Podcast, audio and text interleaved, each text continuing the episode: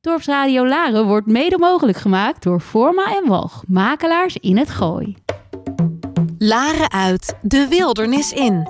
Wekelijks neemt safari-expert en geboren laarder Frank Ranzijn je mee in zijn wereld.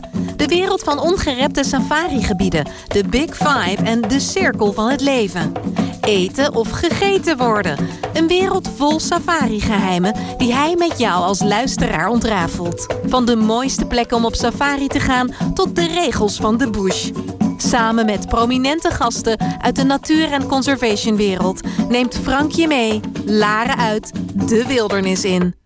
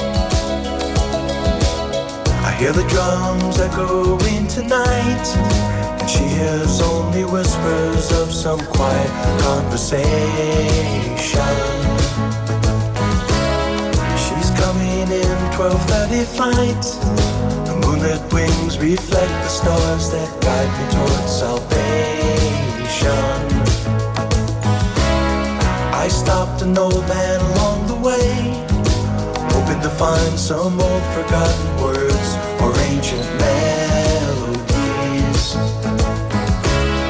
He turned to me as if to say, Hurry, boy,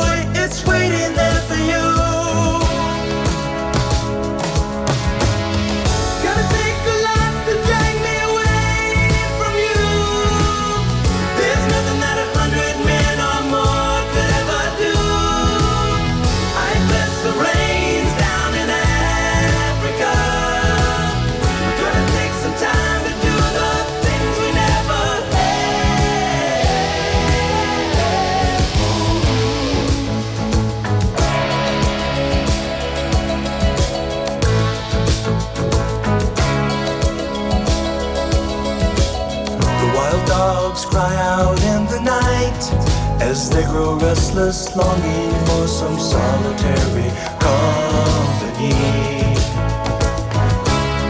I know that I must do what's right, sure as Kilimanjaro rises like Olympus above the Serengeti. I seek to cure what's deep inside, frightened of this thing that I've become. Goedemiddag, beste luisteraars van Dorpsradio Laren. Het is vandaag woensdag 16 juni vanuit een zonovergoten Laren en natuurlijk een snikhete studio. Leuk dat je weer luistert naar een nieuwe uitzending van Safari Geheimen. De wekelijkse infotainment radioshow waarin we praten over reizen naar ongerepte natuurgebieden in Afrika, India en elders. Misschien wel met een goed glas wijn of een andere koele versnapering in de hand. Of ook misschien wel gewoon lekker met de voetjes in het water aan de rand van het zwembad. Wie weet. Vandaag duiken we een beetje de historie in met safari-verhalen uit de afgelopen 30 jaar. En ik doe dit vandaag samen met mijn gast Joke Kok. Joke is al haar hele leven een vervent natuur- en safari-reizigster. Samen met haar man heeft zij nagenoeg alle grote natuurgebieden op verschillende continenten bezocht. En samen duiken we dan ook in het verleden van al deze reiservaringen.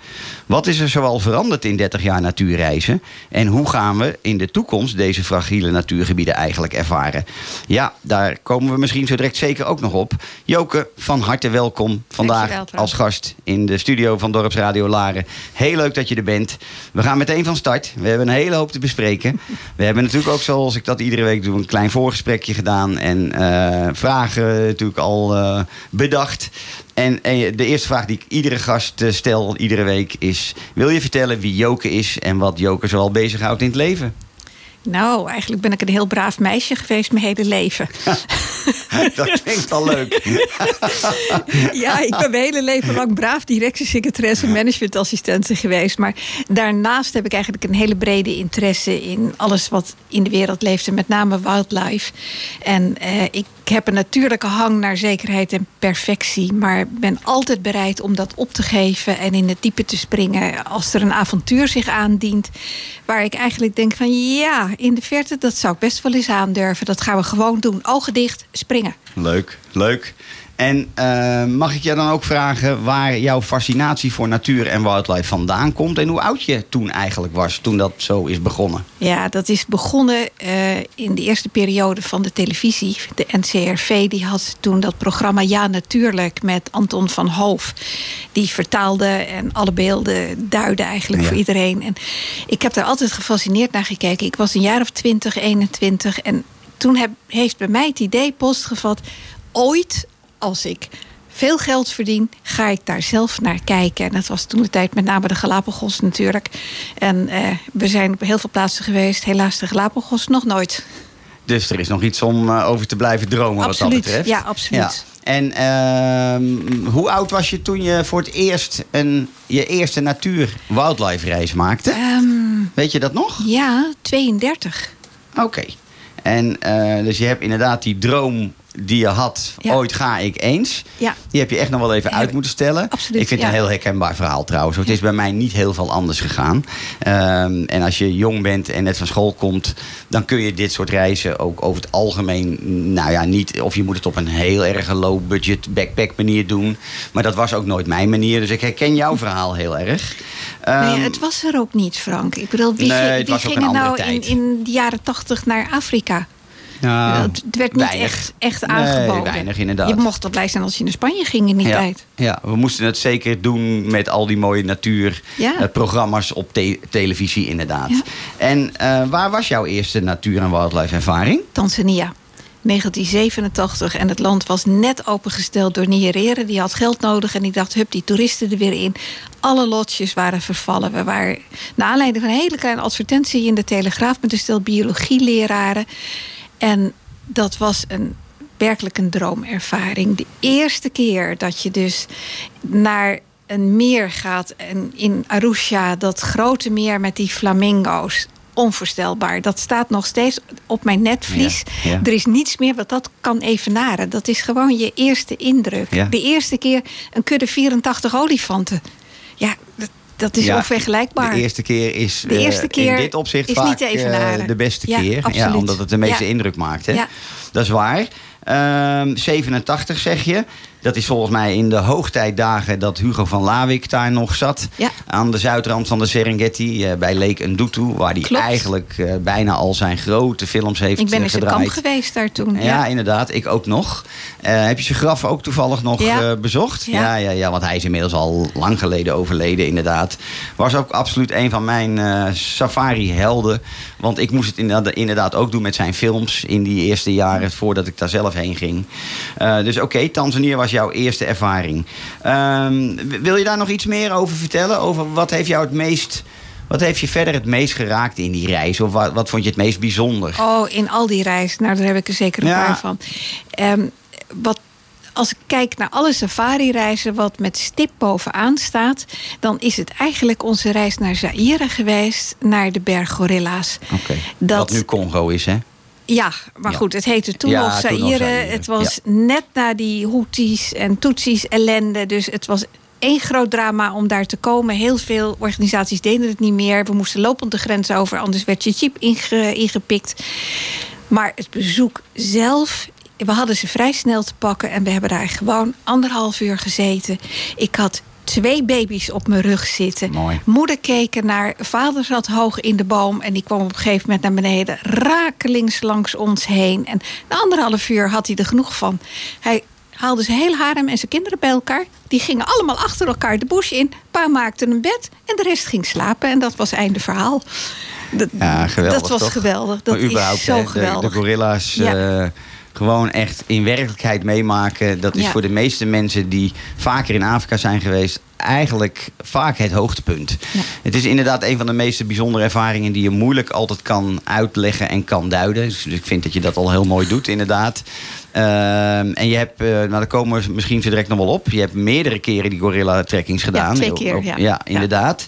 Ehm, we gaan eerst een klein stukje muziek doen. En we beginnen vandaag met een eh, song waarvan ik denk... die ga ik opdragen aan mij Safari-helden. En het nummer is van David Guetta en heet eh, Hero.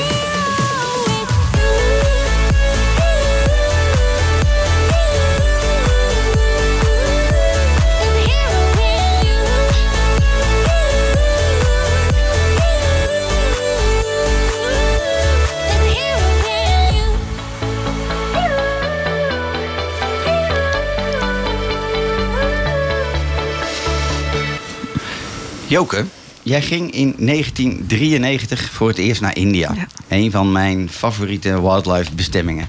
Maar daar gaat het niet om. Het gaat erom hoe jouw ervaringen waren. Eh, dus ik wil daar graag wat meer over weten. Hoe jij dat hebt ervaren. Eh, dus vertel, vertel wat, wat is er overgebleven aan herinneringen uit die eerste India-reis? Toen India nog een heel ander India was dan nu. Ja, India, moet ik even zeggen, ik heb een haat-liefde verhouden met met het land gekregen. India is alles yin en yang. Alles wat mooi is, daar staat iets heel lelijks tegenover. Ehm, ik, ik wil even een klein voorbeeld geven. Wij stapten ooit 's morgens vroeg uit een trein, liepen een dorp in. De markt was nog niet open en daar lag werkelijk een beeldschone vrouw. Lag er onder haar groentestalletje in een goedkope maar kleurrijke sari. En toen dacht ik, ja, dit is het weer. Een beeldschone vrouw midden in de rotzooi, in de ellende, in de pure armoede. Ja. Dat is India. Ja. Prachtige forten, prachtige paleizen, maar ja, gebouwd door mensen die er zo 10.000 over de kling joegen, bij wijze van Ja. spreken. Dus eh, dat is echt. Maar wel binnen het perspectief van 1993. Hè? We moeten wel eerlijk blijven. Want ik Ja, heb ook met dat 25 jaar. Ja. tussenpozen India gezien. En er is vreselijk veel veranderd. Dus dit is het beeld zoals ik het ook herken. Ik was er in 95 voor het eerst. En toen was het nog wel een stuk slechter gesteld qua armoede dan dat het nu is. Hè? Ondanks dat India India blijft. Dus ik herken het verhaal ook helemaal. Ja. Eh, inderdaad, schoonheid versus ehm, ja, Lelijkheid, Ja, zeg maar. echt precies. lelijkheid. En, eh, ook wel eh, de, de oude gebruiken versus het, het modernisme. ja. Dus nou ja, Ja. Dat, daar kan ik een heel lang verhaal over houden. Ja. Maar dat is natuurlijk niet, het, eh, niet het wildlife. Volgens mij was het een uitgebreide reis. Ja, het was een hele Eh, uitgebreide met een reis van drie maanden. Met een Ja. heel bijzonder tintje ook met betrekking tot eh, een, een bepaalde olifant. Ja, dat vertel, klopt, vertel daar eens over. Ik kreeg een, vlak voordat wij naar India gingen, kreeg ik per ongeluk een boek in handen van Mark Shant. Mark Shant is een soort van Engelse avonturier die het in zijn hoofd gehaald had om duizend kilometer per olifant door India te trekken. Hij Ja. eh, kwam in India, heeft een olifant gekocht die slecht behandeld werd. Heeft daar een enorme band mee opgebouwd. In dat boek beschrijft hij die duizend kilometer. Een olifant is heilig. Ja, als je daarmee in het dorp komt, dan loopt alles uit. Maar die olifant loopt zo wel tussen de groenstalletjes door, vreet ze leeg en duikt, duikt in het water. ja. Hè, en aan het eind van zijn tocht, eh, ja, wat doe je met een olifant? Die kun je niet meenemen naar Engeland. Dus ehm, en hij ontmoette iemand eh, van het Kipling Camp en die zocht een olifant voor toeristen. En toen heeft hij die olifant daar gegeven met de restrictie van zorg goed voor haar. Ze heette Tara. En eh, toen wij het plan op, eh, opvatten om met rugzak door India te gaan, toen zei ik van alles goed en wel, maar ik ga ook naar het Kana National Park, waar die olifant is. Die Ja. leeft nog en die wil ik dan met eigen ogen zien. En dat hebben we gedaan. Het was een reis van een, van, van een week met eh, bussen, treinen. Wij hadden eerste klas kaartjes, maar je wil niet weten hoe dat was.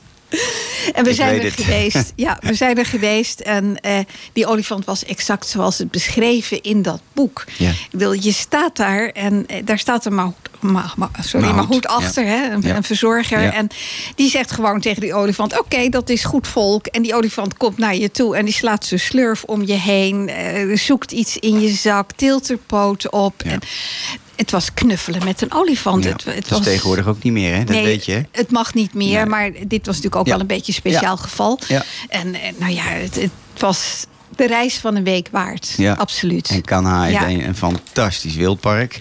Eh, maar je hebt, je hebt veel meer gedaan eh, dan dat. Ehm een van de dingen die, eh, die mij intrigeerde... is dat je over hetzelfde Kanha mij ook vertelde... dat je daar cheetahs hebt gezien. Nou, ik dacht iets te weten over bepaalde parken... maar ik wist blijkbaar dit niet. Ik dacht dat de cheetah daar al lang en breed uitgestorven was... Eh, dus eh, hoe, hoe zit heb dat? Ik heb het nagekeken toen je dat zei. En ehm, toen dacht ik ook van, hebben wij dan wel cheetahs gezien? Ah. Hè? Weet je, ik heb mijn, eh, van al mijn reizen verslagen gemaakt. En waarschijnlijk heb ik een of andere gids gehad die het over een cheetah had. Maar ik vermoed dat ik een luipaard gezien Ja, heb. En daar ja, zijn ja, er natuurlijk nog, nog wel een tijd van. Ik- ja, ik vond het heel bijzonder. Van, ja, Ja, ja nou, nee, dat is- is... Ik denk dat ik echt luipaarden gezien heb ja, daar. Ja. Ja. want wat, er wel, wat ik er ook bijzonder aan vond... ik denk, nou, als dat echt zo is... dan is mijn kennis niet, eh, niet juist geweest. En dat kan, want ik weet ook niet alles.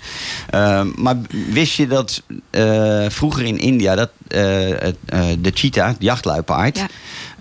ehm, dat die gebruikt werd voor, voor de jacht. Keizer Akbar voornamelijk. Ja, hè, die, eh, ja, zittend ja, achter op een paard. Ja, En dan, zoals we dat nu ook nog doen met, eh, met bepaalde roofvogels... Deed, deed men dat met, toen met cheetahs. cheetahs. En eh, lang vervlogen tijden, historie, maar het is wel een mooie historie. Ja. zeker als je daar beeldmateriaal van ziet. Er is heel waanzinnig mooi zwart-wit beeld van. Ja, dat is gewoon sprookjesachtig. Maar India is natuurlijk ook heel India sprookjesachtig. is een sprookje. Absoluut. Als je een beetje fantasie hebt en ook als je in het Rantamboordpark bent, als ik het bruggetje mag Ja, maken. dat mag je, bedoel, want dat zou mijn volgende vraag ja, dat zijn. dacht ik al. Ik bedoel, daar, daar kom je binnen. Het is een ommuurd park. En het was natuurlijk vroeger de, de speeltuin van de Maharaja's. Ja. Die, eh, Ja. die wilden graag op, op tijgers jagen. Ja. Nou, dan moest je wel zorgen dat het tijgers waren. Dus die Ja. hebben heel veel gedaan eigenlijk voor het voortbestaan van de tijger daar. Ja. Er waren er heel veel. Eh, ja, Maharaja's, die, ze zijn er nog wel, maar niet meer zo machtig als ze vroeger waren. Nee, dus correct. het is nu een, na- een national, een national park. En als je daar komt, dan ga je ook door een ommuurd gedeelte met kunstmatige watervallen daarnaast. Je gaat door een vervallen poort heen.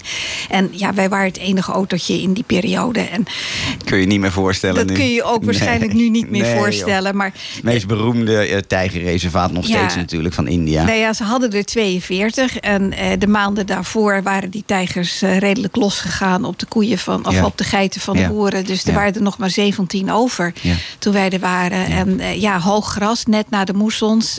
We hebben het niet gezien, Nee, helaas. nee. Maar het park zelf met vervallen prieeltjes. En dan moet je je even voorstellen die in ruïnes. keizerrijk. Ja, ja, ja. Als, als, je- daar zit je met je harem in die En daar lopen tijgers rond.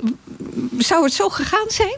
Ik weet het niet. Maar als je een beetje fantasie hebt, dan eh, ja, is het een sprookje. Ja, ik wil net zeggen, ik heb ook daarover vrij veel eh, eh, filmmateriaal gezien uit de echt oude tijd.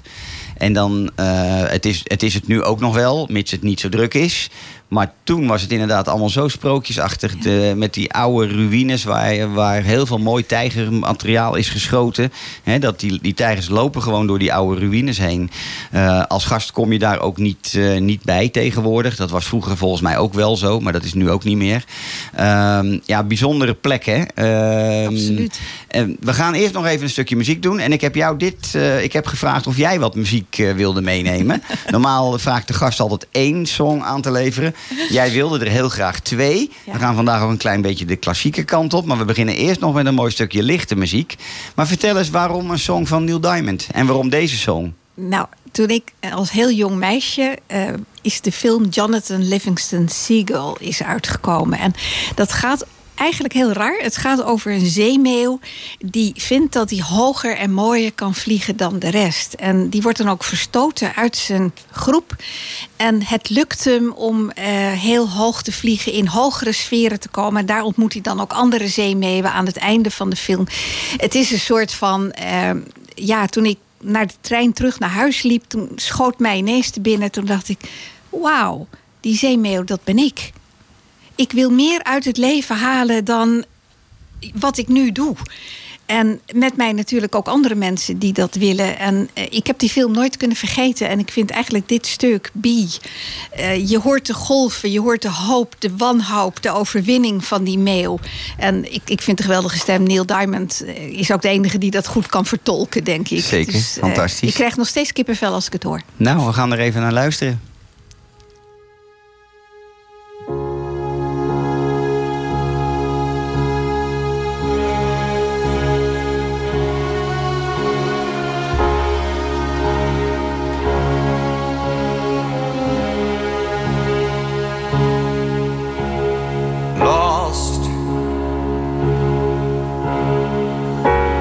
Painted sky where the clouds are hung for the poet's eye. You may find him.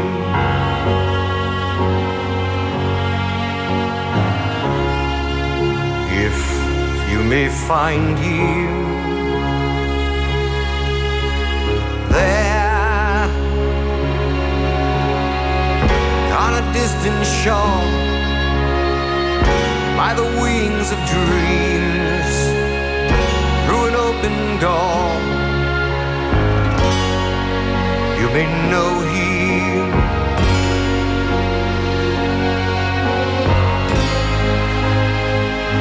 If you may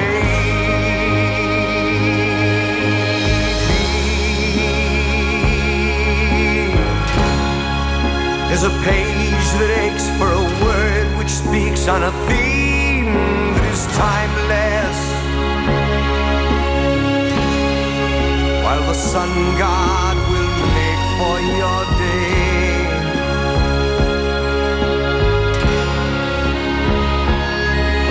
Sing as a song in search of a voice that is silent. And the one God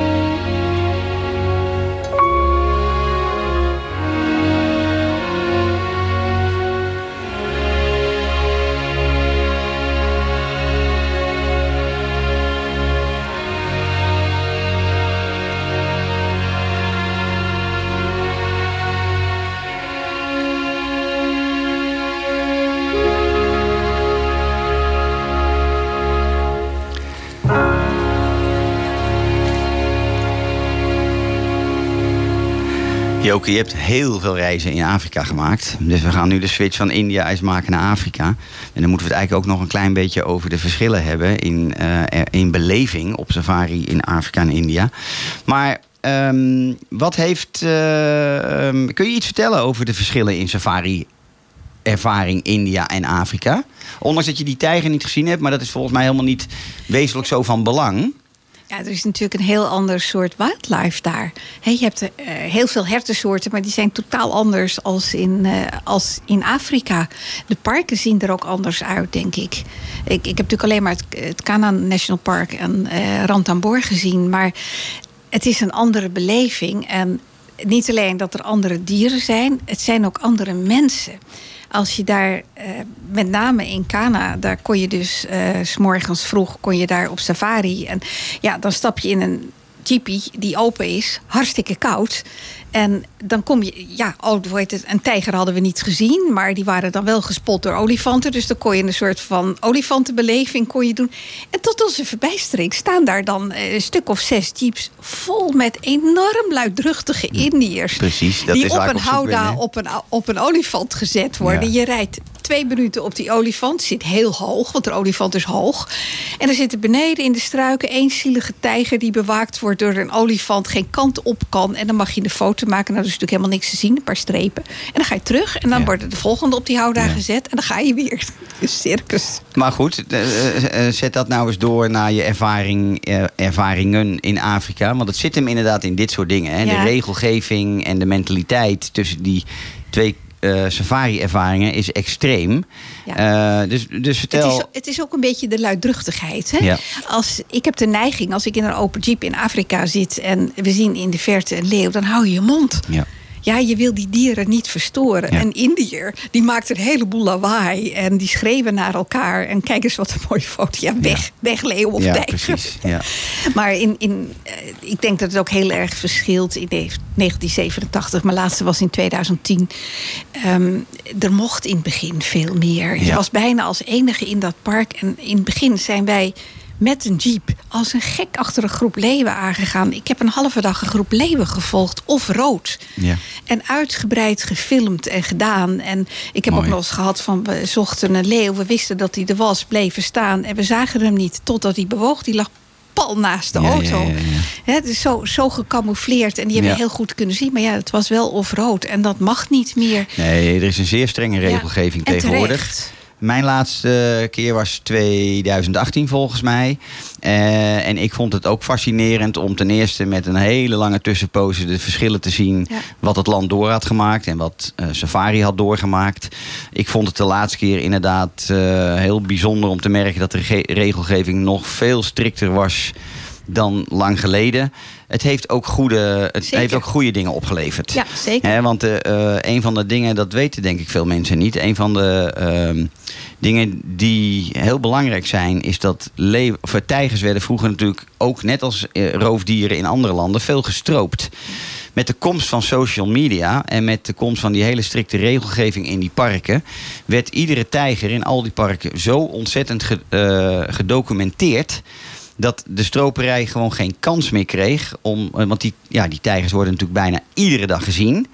Ehm, dus ze verloren bijna geen tijger meer. Dat is ook de reden waarom de tijgerpopulatie in de afgelopen 10, 20 jaar eh, gewoon weer extreem is toegenomen. Ja, Ja, daar ben ik blij om.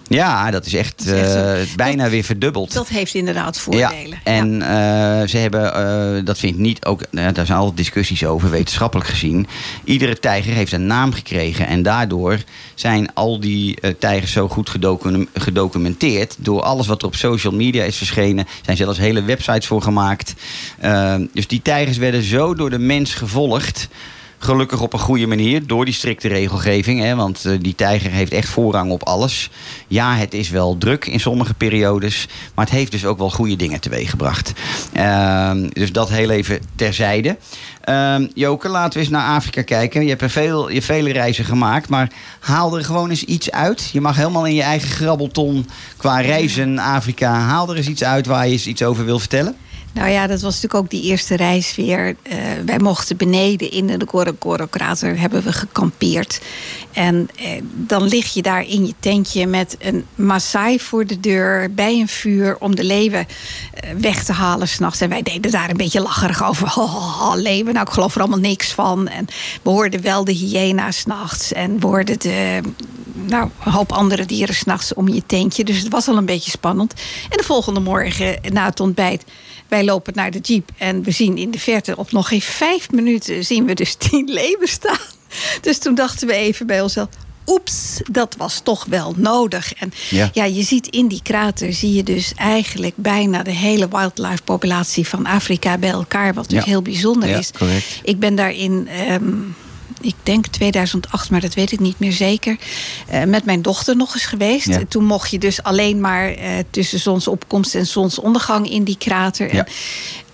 Dat is nog steeds zo. ik had het gevoel dat de helft van de dieren weg was.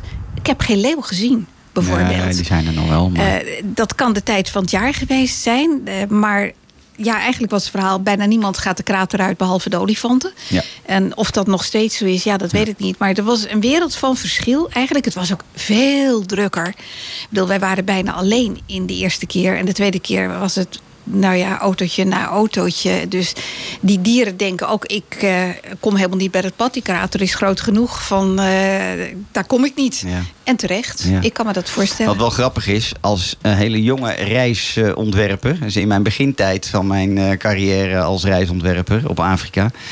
Toen leerde ik ook nog van die dieren gaan die krater niet uit. Nou, ik heb aan de lijve ondervonden dat het Echt? de grootste nonsens is. Eh, tuurlijk, eh, ze hebben daar alles waardoor ze over het algemeen heel erg hè, blijven in het gebied waar ze het goed hebben. Maar ook tijdens mijn allerlaatste, dat is ook nog niet heel, net zo heel lang geleden, in 2017 vol- of- volgens mij was ik in Tanzania. En toen reden wij op de kraterrand. En wat schetste mijn verbazing? Op de kraterrand kwamen, wij, kwam er zo ook een hele troep leeuwen met jonkies het struikgewas uitlopen. Naar En, boven? eh, gewoon boven op de kraterrand. dus ze gaan wel degelijk de krater uit. Ehm, hè, maar dat is meer dat mensen denken... ja, dat blijft er allemaal in een soort dierentuin. Nou, dat is echt niet zo. Eh, en die dieren zijn vrij te bewegen. En er zit geen hek omheen. Ze kunnen er ook gewoon uit. Ehm, Oké, we gaan zo verder. We gaan eens naar, luisteren naar een van Nederlands beste bands. Bluff met Horizon.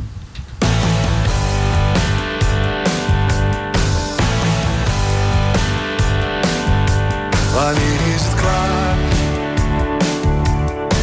Je weet wat ik wil en je wilt dat net zo graag. We staan bij elkaar. En nu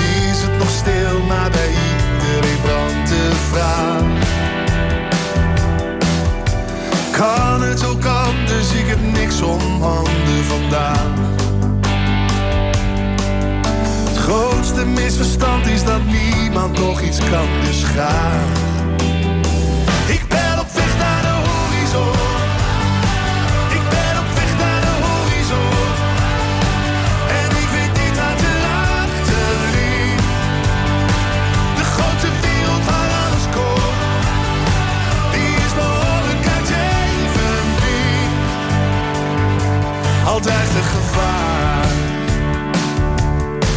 Ik ben niet echt bang en de angst is vooral vandaag. Maar morgen is daar. En het duurt niet zo lang tot je opstaat met de vraag. Kan het ook anders? Ik heb niks om handen vandaag. Grootste misverstand is dat niemand nog iets kan, dus graag.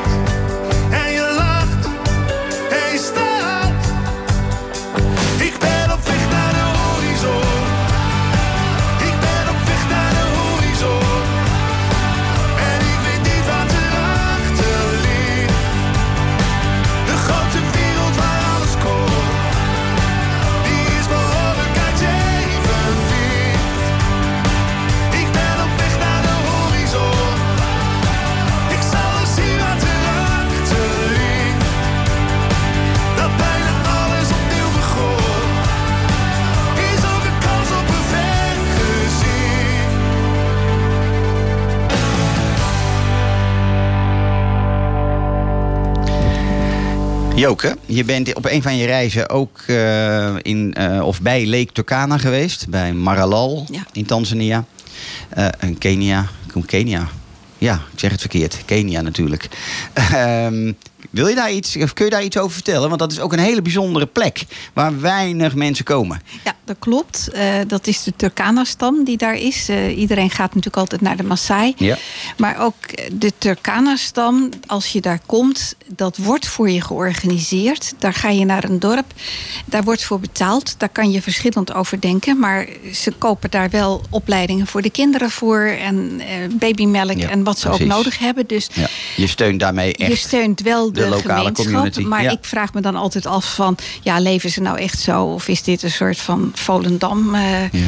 Nou, dat is bij de Turkana, dan valt dat nog wel mee hoor. nou ja, ik ben er niet helemaal zeker van. Ik voel me altijd wat ongemakkelijk daarmee. Eh, wat ik vaak doe, ik trek me wat terug en ik ga naar de kinderen. Ja. En eh, ik had daar ballonnen meegenomen. Dus Ja. ik heb samen met die kinderen Ja. ballonnen opgeblazen. Nou ja. Ja. dat was natuurlijk helemaal geweldig.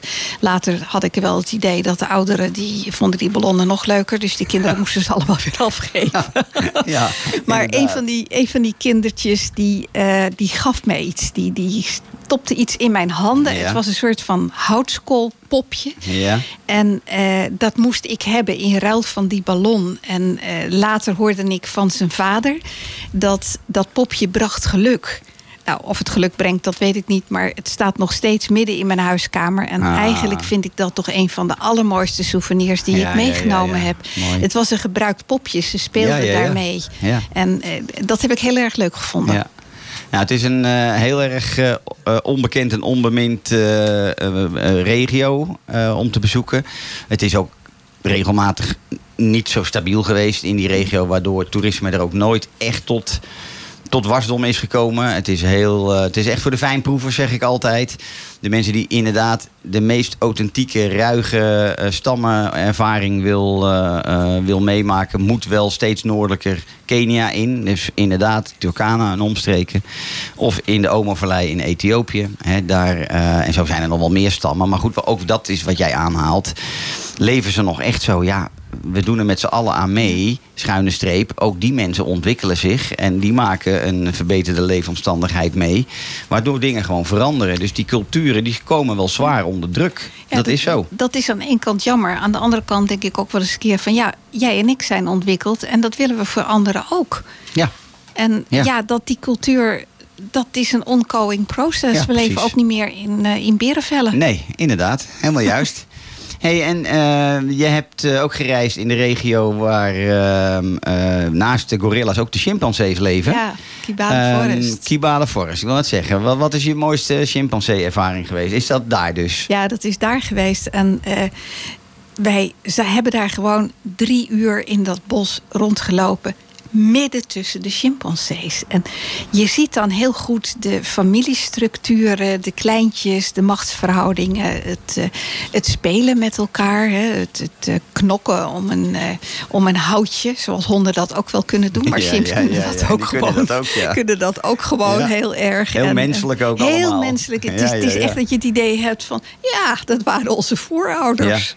Ja. Dus ik, eh, nee, ik heb het heel erg. Ik vind het ook een heel speciaal bos. Er groeit ook van alles. We hadden toevallig een gids die heel veel wist over eh, de planten en de eetbare vruchten en dergelijke. Heel En goed. op zich Ja, is dat heel erg interessant. Want Ja. eh, dat hoor je meestal niet. Want je gaat zitten, je gaat naar die chimps kijken. Maar je krijgt dan ook uitleg van wat eten die chimps. En welke vruchten wel en welke niet. En welke vinden ze heel lekker. En wanneer kunnen ze die plukken. En waar groeien ze en zo. Dus ik, ik heb het een hele bijzondere ervaring ge En niet zo moeilijk te, te, te be- belopen, hè? want het is veel vlakker dan Ja. eh, bijvoorbeeld de berggorilla's. Dit is een stukje Abs- makkelijker. Ja, het is vlakker, maar Ja. het was wel net na de regen. Ja, dus het dan was het behoorlijk nog sompig. En ik zal je vertellen, ik, mijn eh safari-schoenen waren kapot. Oké. En vlak voor deze reis ga ik naar Amsterdam en ik koop een paar nieuwe schoenen. Ja. Kijk er niet naar, gooi ze in mijn koffer. Ja. En ik sta daar in het forest en ik heb twee linkerschoenen. En ik liep op slippers. Blote teenslippers. Altijd lekker. In Kibale Forest. En Kibale Oké. Forest. Dus ja, het lopen ging iets minder. ja, ja, ja, ja. Hey, mag ik je een, een, een- een iets andersoortige vraag stellen? Eh, we hebben natuurlijk een periode gehad voor corona, maar er komt zo direct ook weer een periode na corona. Denk jij dat de, de manier van reizen na corona anders gaat zijn dan voor corona? Nou, dat vind ik een hele moeilijke vraag. Kijk, ze hebben nu geld nodig. Dus ik Ja, denk dat, er, eh, dat ze eerst. Nou, dat hadden ze al, maar... Ja, oké, maar nu helemaal. ja. En ik denk dat ze eerst en vooral op, eh, zullen insteken op zoveel mogelijk mensen en de prijzen wat zullen verhogen. Maar uiteindelijk verwacht ik eigenlijk dat ze het goedkope toerisme naar Afrika toch wat willen eh, terugdringen ten gunste van de mensen met een grotere portemonnee die in de vijf, zes ster hotels kunnen zitten. En ja, dan enerzijds verdienen ze net zoveel met veel minder druk op de parken. Precies. Alleen het jammer is, eh, ik kom er dan niet Nee, meer. En met maar- mij natuurlijk heel veel andere mensen. En denk- wij moeten het weer dat- met de televisie doen. Ja, ik denk dat het iets minder ernstig is dan dat je het nu schetst. Het is wel zo dat tuurlijk conservation, travel is inderdaad een kostbare aangelegenheid. Maar er zullen ook heel veel aanbieders blijven die in een veel betaalbaarder segment opereren. En, en eh, gelukkig natuurliefhebbers toch wel de kans zullen geven om op, ja, misschien op een iets andere manier, maar in ieder geval echt wel nog die natuurparken te kunnen blijven bezoeken. Ik geloof niet dat dat weggaat, maar dat is mijn persoonlijke Ja, mening. dat, is niet, Ja. dat zijn niet aanbieders, maar dat is meer het land zelf die dat gaat, eh, Ja. gaat Ja. verbieden om de druk op de parken en de dieren Ja, te. ja, dat laatste vind ik niet zo heel erg. Want er is natuurlijk op sommige gebieden gewoon te veel voor te druk. zeggen. Ja, absoluut. Ja. Ehm, Joke, je had eh, nog een stuk muziek meegenomen. Wat ik niet gewend ben om hier te draaien, maar wel heel mooi vind. Want ik heb ook best wel een brede eh, interesse qua muziek eh, en muzieksmaak. Vertel, vertel eens iets over het volgende stuk wat wij gaan Ja. horen. Wij, wij hebben van al onze, al onze reizen films gemaakt en daar moest muziek onder. En wij zijn redelijk klassiek georiënteerd. En daar stond dit stukje van de vijfde van de symfonie van Mahler... hebben wij onder onze films gezet. Het is nu bekend als Death in Venice. Maar als ik het hoor en mijn ogen dicht doe... dan zie ik de flamingo's in Nakuru, de pelikanen zie ik... maar ook de enorme kuddes olifanten, de Kilimanjaro met de buffels daarvoor bij zonsopkomst. Ik kan het stuk niet horen of ik nou in de concertzaal zit of elders. Zonder deze beelden. Ja, Mooi. dit is Afrika voor mij. Nou, ik zeg, eh, we gaan.